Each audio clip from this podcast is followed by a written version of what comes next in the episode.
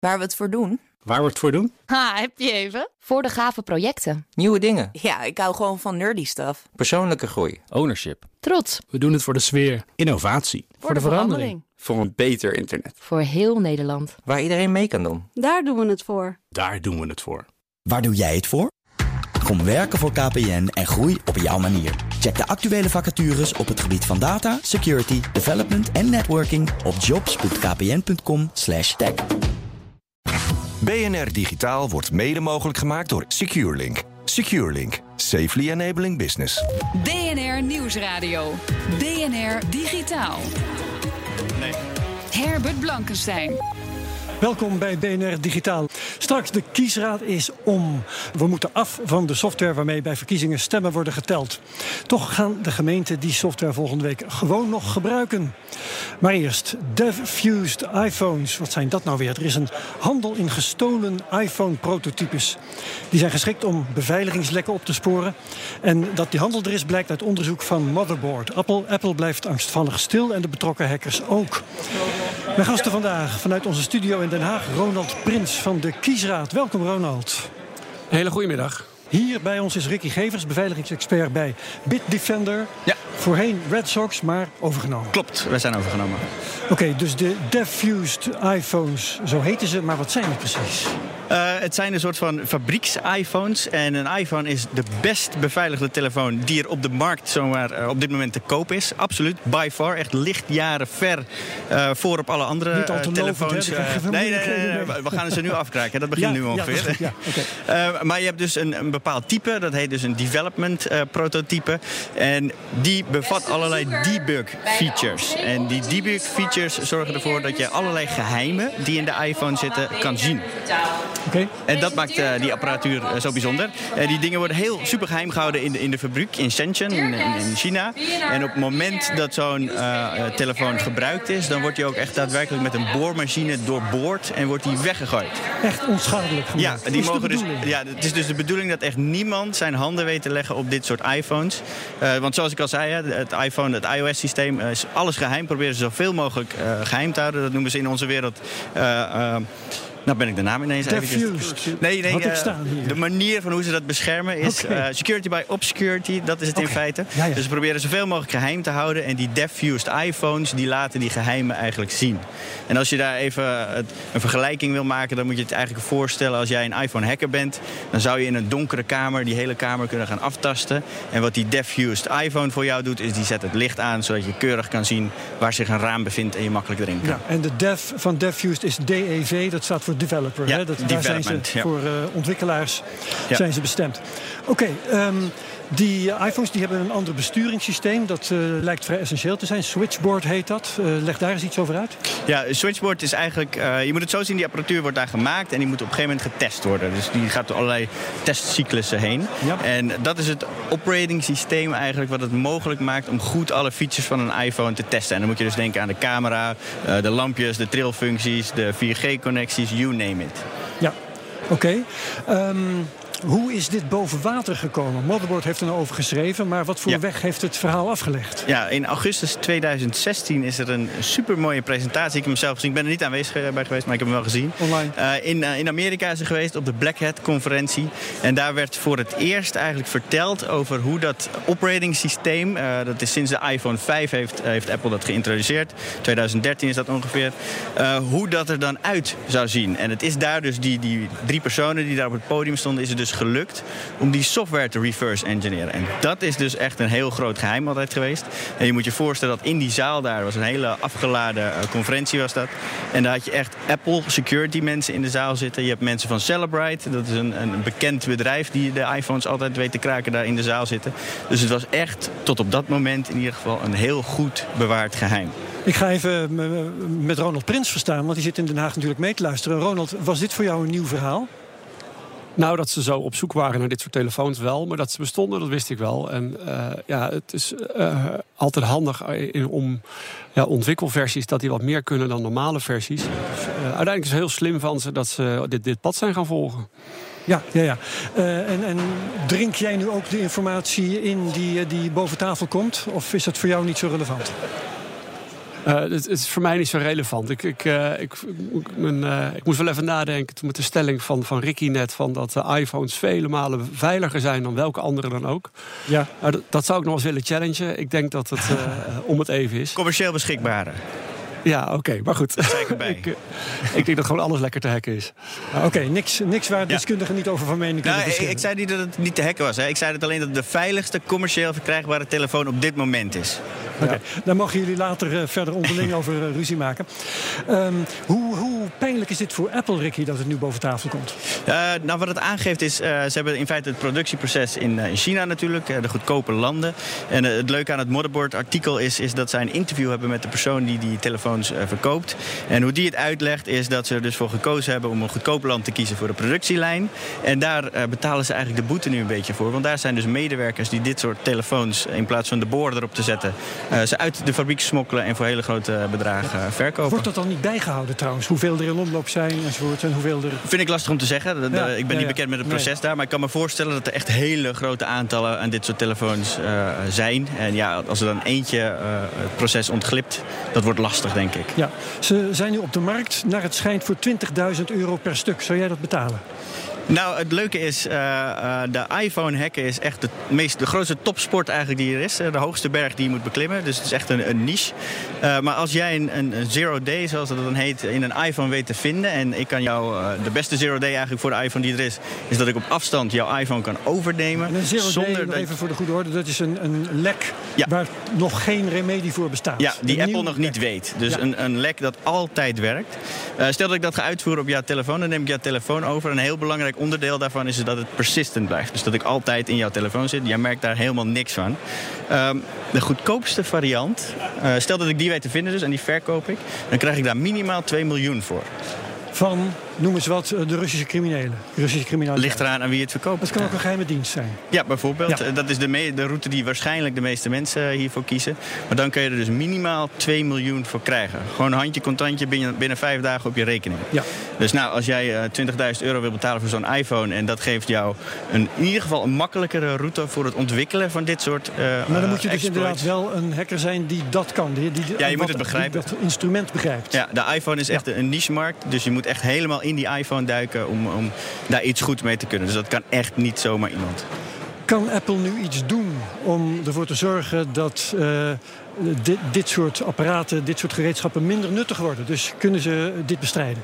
Ja, dat vind ik een hele interessante. Uh, Apple is helemaal stil op dit moment. En dat doet mij vermoeden uh, dat ze iets aan het voorbereiden zijn om dit aan te gaan kunnen pakken. Uh, een van de dingen die ze natuurlijk kunnen doen is heel veel lawsuits. Hè. Ze hebben een heel team aan advocaten die ze dan op dit soort mensen kunnen zetten. Maar ik ben heel benieuwd wat ze gaan doen. En ik vermoed dat ze wellicht het productieproces wat beter, closely guarded gaan maken. Of dat ze iets nieuws gaan verzinnen. waarbij jongens dus weer opnieuw zo'n nieuwe diffused iPhone moeten weten te vinden. Om opnieuw de geheimen van Apple te kunnen extracten. Het gaat heel interessant worden. En je ziet ook al die jongens die hebben meegewerkt aan dit artikel. Die ontkennen het allemaal. Die zijn allemaal als de dood dat Apple achter ze aangaat in ieder geval.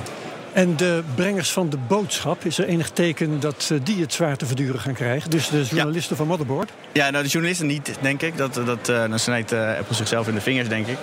Uh, maar ik denk de jongens... het grappige is, het was dus in augustus eigenlijk een beetje tijdens die presentatie bekend geworden. En die persoon die die presentatie deed, heeft dat eigenlijk zelf een beetje veroorzaakt. Die vertelt namelijk aan het eind van die presentatie, zegt... Oh ja, ik wil het nog even hebben over de white elephant in the room.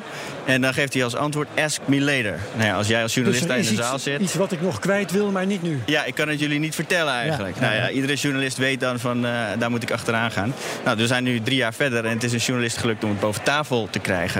Uh, ja, dus ik denk die, dat die jongen ook wel begrijpt uh, dat hij iets doet. Uh, zoals hij het zelf zegt, is het dan de gray area. Dat vind ik wel mooi omschreven.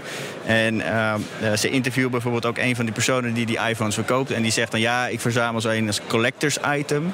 En ik heb geen idee of die telefoons gestolen zijn. En twee minuten daarna zegt hij rustig, ja, op het moment dat ze gestolen worden door de werknemers. Dus ja, die mensen snijden zichzelf een beetje in de In vingers. andere dan. vorm zijn ze er natuurlijk ook niet. Nee, ik heb ze niet gezien. Het is voor mij allemaal nieuw. Tot slot, ehm, je roemde net de veiligheid van de iPhone. Nou ja, eh, voor een eh, consumentenapparaat. Ja. Eh, is die veiligheid nu veranderd? Eh, het wordt nu toegankelijker voor allerlei landen om op een eenvoudige manier dit soort exploits, exploits te vinden. En wat ik al zei, in het begin was het dus echt dat je in een donkere kamer aan het zoeken bent naar zoiets. En nu heeft er iemand eigenlijk het licht aangedaan. En wordt het dus echt makkelijker voor allerlei landen om dit soort exploits te kunnen ontwikkelen. Dankjewel voor nu, Ricky Gevers. De software waarmee stemmen bij verkiezingen worden geteld is gedateerd en die moet weg. We bespreken het zo. BNR Nieuwsradio. BNR Digitaal. En welkom terug bij BNR Digitaal. Na jaren van kritiek is nu ook de kiesraad om. De software waarmee stemmen na verkiezingen worden geteld is aan vervanging toe. Toch gaan de gemeenten volgende week gewoon nog met de bekritiseerde software aan de slag bij de provinciale statenverkiezingen. Mijn gast hier aan tafel is Ricky Gevers, beveiligingsexpert bij Bitdefender. En vanuit de studio in Den Haag Ronald Prins, oprichter van Fox IT en sinds 1 oktober lid van die kiesraad. Ronald Prins, je bent al langer sceptisch over de genoemde software. Wat is daar ook weer het probleem mee? Nou ja, kijk, je wil uiteindelijk. Dit, dit, nou, eerst misschien even voor de, voor de mensen. Deze software wordt gebruikt om de stemmen op te tellen en uiteindelijk de uitslag te berekenen. En, ja. um, en dat is een heel kritisch onder... telling, hè? Na handmatige telling. En dat is natuurlijk een heel uh, kritisch onderdeel in dat hele uh, uh, verkiezingsproces om uiteindelijk tot een uitslag te komen. En dan wil je van dat die software niet door derden gemanipuleerd en misbruikt kan worden. En dat daar dus verkeerde uitslagen uit kan, kunnen komen. Ja, en nou, dus gebleken, en dat hebben uh, veel onderzoekers al laten zien, dat die software uh, nou, niet helemaal de, de, de, huidige toets der kritiek kan weerstaan. Dat is dan misschien nogal zacht uitgedrukt.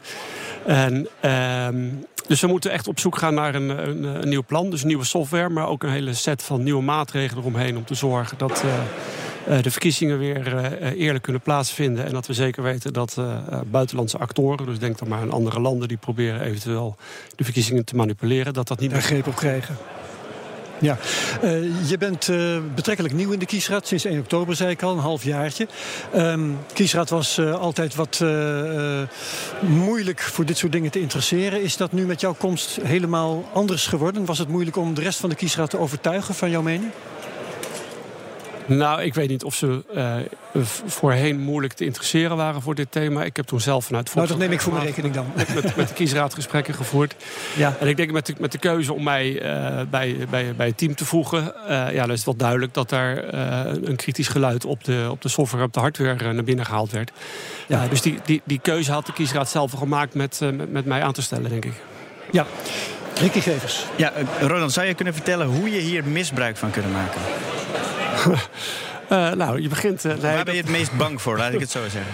Nou ja, okay, wat je uiteindelijk zou kunnen doen... Kijk, je moet voorstellen, de software wat uh, gebruikt moet worden... in stand-alone omgevingen, op aparte werkplekjes binnen gemeentes...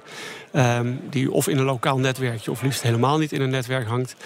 En um, nou ja, in, in een heel do groot doemscenario zou iemand ehm, die werkplekken gaan hacken... en zorgen dat wat er met de hand wordt ingetypt dat dat uiteindelijk op een andere manier verwerkt wordt. En dat uh, bij de optellingen dus wat, uh, wat anders uitkomt dan dat werkelijk zou moeten. En, uh, en dat zijn allemaal scenario's die zijn A, met de huidige versie van, van de OSV, zo heet deze software, ontzettend moeilijk te doen.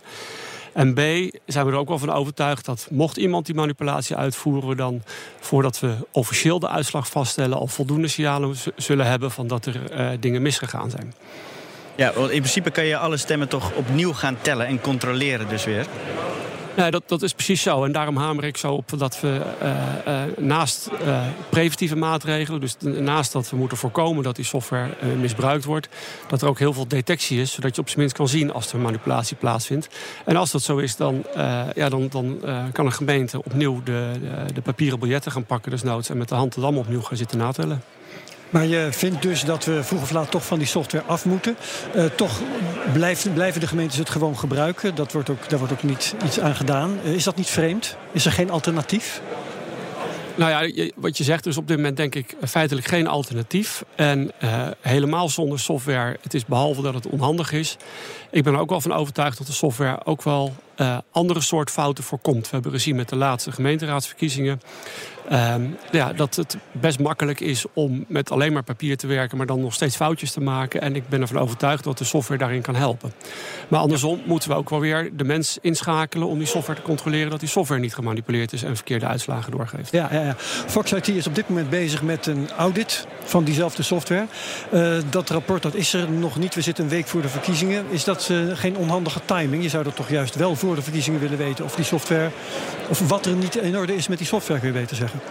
Nou ja, dat, is op zich denk ik een terechte vraag. Uh, we zitten daar een beetje in een, in een soort dilemma. Kijk, Fox die, die vindt allemaal dingen van die software... en die willen zo graag mogelijk, zo snel mogelijk nog repareren. En daar hebben we voor gekozen om dat te doen.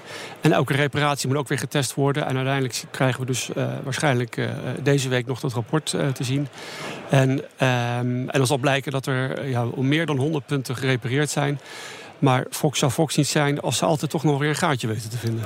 Oké, dus maar op meer dan 100 punten moet die verbeterd worden. Is dat eigenlijk al, uh, wat jij nu zegt, een voorpublicatie uit het rapport van Fox IT dat eraan zit te komen? Nou, ik denk dat dat soort dingen wel in staan. Maar er zijn ontzettend veel dingen verbeterd. Maar uiteindelijk denk ik ook gezien uh, nou ja, de, de, de, de, relatie met de leverancier en uh, de, de, kwaliteit van wat ze opleveren, dat het gewoon uh, veel belangrijker is. En dat staat ook in het jaarverslag dat we naar een complete nieuwe versie gaan van, van die software. Maar dan, en daar hamer ik ook maar op, niet alleen die nieuwe versie van de software, maar ook de hele set aan maatregelen eromheen. En uh, we, hebben het nu bijvoorbeeld over de provinciale statenverkiezingen. Nou, eigenlijk gaat de kiesraad daar eigenlijk helemaal niet over. Daar hebben wij geen rol in als centraal stembureau. Dus, hmm. en, uh, maar ze maken wel gebruik van de software die de kiesraad uh, heeft laten ontwikkelen. Dus daarmee voelen we ons dan toch wel weer verantwoordelijk. Maar uiteindelijk eh, vind ik zou je wat meer dwingend moeten kunnen zijn, ook naar gemeentes, dat ze op een bepaalde manier uh, die software toepassen. En dat het niet alleen maar een, een lijstje ja. is met uh, richtlijnen van... nou, het zou mooi zijn als je het op deze manier inricht. En Precies, want jullie hebben die, uh, die richtlijnen, beveiligingsrichtlijnen... hebben jullie vorig jaar opgesteld. Alleen die worden niet gecontroleerd. Hè, of de gemeenten zich daar ook echt aan houden. Wat, wat stel je precies voor om ervoor te zorgen dat ze dat wel doen? Een of andere vorm van nou ja, een visitatiecommissie of zo? Ja, dat, dat is al een invulling. Ik, wat ik nu voorstel is dat we met elkaar gaan zitten... van wat zijn nou de complete set maatregelen moeten zijn... en wat voor soort mandaat past er dan ook bij bij de kiesraad... om uiteindelijk meer grip te krijgen op het volledige verkiezingsproces. Dus niet alleen maar het, het leveren van een stukje software... maar inderdaad misschien wel... Uh, in Engeland hebben ze een, systeem van reporting officers. Mensen die rondlopen in de districten... en die terugkoppelen aan hun kiesraad van... nou, wij hebben dit en dit vastgesteld. Naast uh, het, het proces verbaal waar alleen maar de stemmen in staan. Um. De gemeenten die zeggen nu dat ze te weinig tijd hebben om al die stemmen met de hand te tellen. Althans om dat te doen zonder die software. Nou, um, Simon Ruwhoff, een hacker die uh, bij BNR Digitaal wel vaker uh, kritiek heeft geoefend op diezelfde software. Die pleit voor de Duitse aanpak. En die bestaat eruit dat de software alleen maar een voorlopige uitslag produceert. En dat uh, de overheid dan ruim de tijd heeft, een paar weken, om door handmatig tellen de definitieve uitslag te produceren. Is dat niet ook voor Nederland een optie? Uh, nou ja, op zich is het een optie. Um, we zitten nu, uh, zijn we beperkt door wat uh, de kieswet ons biedt. Hè. Die, die, die kieswet die schrijft voor dat gewoon binnen een aantal dagen die uitslag er moet zijn. En natuurlijk, als we meer tijd hebben, is dat alleen maar fijner. En, maar ik denk ook dat Um, ja, dat het belangrijk is dat we naar het complete pakket gaan kijken van hoe we het moeten gaan doen. Uiteindelijk denk ik dat we ook um, naar elektronisch tellen toe moeten. Dus dat we niet meer met de hand zitten te, te, tellen, maar dat eigenlijk apparaten dat telwerk doen. En dat mensen weer controleren of de ja. apparaten goed hun werk doen. Een goed telbaar stembiljet dan waarschijnlijk ook. Ja, en dan een A4'tje het liefst, hè, wat je heel makkelijk ja. scanner kan schuiven. Uh, dat is trouwens voor mensen ook veel makkelijker uh, met de hand na te de kiezer. Ja. Nee, maar ook ja, voor de kiezer, maar ook voor de, voor de mensen die nu s'avonds dat, dat telwerk zitten te doen. Dat is een stuk ja, ja. handzamer natuurlijk dan die grote lappen papier. Dat Waardoor ze ook veel sneller uh, met de hand een, een, een, een, eventuele controletelling kunnen uitvoeren. Ja. Zeg, moet de kiesraad niet uh, een soort toezichthouder worden? Hè, zoals de autoriteit persoonsgegevens dat is als het gaat om de AVR. Moeten jullie niet gewoon uh, de politieagent van de verkiezingen worden? Nou, um, ja, zoals je het zegt, spreekt me wel aan. Um, uh, het woord verkiezingsautoriteit is ook wel eens gevallen in plaats van een kiesraad. Ja. ja. Onze, heel, als je heel technisch naar de wet nu kijkt, is, het, is de kiesraad ja, het, het, centrale stembureau, zeg maar, het optelbureau waar alles bij elkaar moet komen. En we hebben een adviesfunctie. En ik vind in deze tijd van, uh, waarbij verkiezingen zo onder vergrootglas liggen, waarbij het duidelijk is dat andere landen echt operaties uitvoeren om verkiezingen in andere landen te beïnvloeden. Ja. Daar past ook wel iets meer uh, regime omheen. En daar zou een wat strengere autoriteit uh, geen gek antwoord op zijn. En wat voor bevoegdheden zou je dan willen hebben? Nou, ik denk uh, dat het op zijn minst zou moeten gaan over alle verkiezingen die dan in een land plaatsvindt. Maar dat het ook over gaat dat je, um, ja, waar we het net over hadden, dat je wat uh, meer ruimte krijgt om bij gemeentes mee te kijken hoe daar dingen uh, plaatsvinden. Um, en dat je ook wat zoals die beveiliging waar we het net over hadden. Ja, zoals, die, zoals ja. de fysieke maatregelen genomen worden. En dat je ook kan afdwingen dat bijvoorbeeld dan een hertelling moet plaatsvinden. Dat zijn uh, uh, nu bevoegdheden die op een lokaal niveau, bijvoorbeeld bij de burgemeester, liggen. Ja, Ricky Gevers. Ja, als ik probeer een beetje samen te vatten uh, wat jij nu zegt. Dan hebben we nu software en hebben we geen alternatief dan het gebruik maken van deze software. Deze software wordt verbeterd. En mijn vraag aan jou is eigenlijk, vind je de software nu toereikend genoeg? Nou ja, ik denk we gaan nu de verkiezingen in. En uh, ik heb er vertrouwen in dat uh, uh, mocht het gemanipuleerd worden, dat dat naar boven komt. En dat we dat tijdig kunnen meenemen in het vaststellen van de uitslag. Door alsnog aan te wijzen of, of aan te geven bij een bepaalde plek dat het verstandig zou zijn om te gaan hertellen. Maar uh, ja, we hebben ook wel aangegeven van, dat we liefst bij de eerstvolgende Tweede Kamerverkiezingen niet meer met deze software doen, maar met een, veel, met een omgeving die veel weerbaarder is dan deze. Okay, ik, wil dus nog even, nee, ik wil nog even de laatste vraag stellen, omdat het tijd dringt. Um, Ronald, die bevoegdheden die je wilt hebben, hoe ga je die krijgen? Is minister Ollongren wat dat betreft al om? Uh, nou ja, dat zal in ieder geval inhouden dat we uh, gesprekken met, met het ministerie van Binnenlandse Zaken moeten voeren. Maar ik denk eigenlijk ook uh, waar we het allemaal voor doen, dat zijn onze parlementariërs zelf. Die moeten er ook achter staan dat, dat we een nieuwe tijd in moeten gaan rondom verkiezingen. En dat het ook inhoudt dat er een, iets meer iets van een autoriteit moet zijn dan alleen een raad. Ja, maar je kunt nog niet aankondigen dat uh, deze bevoegdheden waar je net de wens voor uitsprak, dat die hier ook echt aan zitten te komen. Ik kan niks aankondigen. Nee, oké. Okay. Goed, hartelijk bedankt. Um, Politieke partijen en uh, burgers die kunnen trouwens, uh, heeft uh, hacker Simon Ruhoff onlangs aangekondigd, doordat de processen verbaal openbaar worden, die kunnen zelf de uitkomst gaan controleren via diezelfde processen verbaal die online worden gepubliceerd. Bedankt Ronald Prins van de Kiesraad en ook hartelijk dank Ricky Gevers, beveiligingsexpert bij Bitdefender. Graag gedaan. Tot zover BNR Digitaal. E-mail ons op digitaal.bnr.nl. Volg ons op Twitter, @bnrtech. Terugluisteren van BNR Digitaal kan via bnr.nl, onze app, iTunes en Spotify. Daar vind je ook mijn andere podcasts, waaronder bijvoorbeeld de CryptoCast. Tot zover BNR Digitaal. Heel graag tot volgende week. Dag. Ook Hugo Reitsma vind je in de BNR-app. Superhandig die BNR-app. Je kunt alle programma's live luisteren, breaking nieuwsmeldingen. Je blijft op de hoogte van het laatste zakelijke nieuws. En je vindt er alle BNR-podcasts, waaronder natuurlijk de belangrijkste, Boeken zijn in de wijk. Download nu de gratis BNR-app en blijf scherp.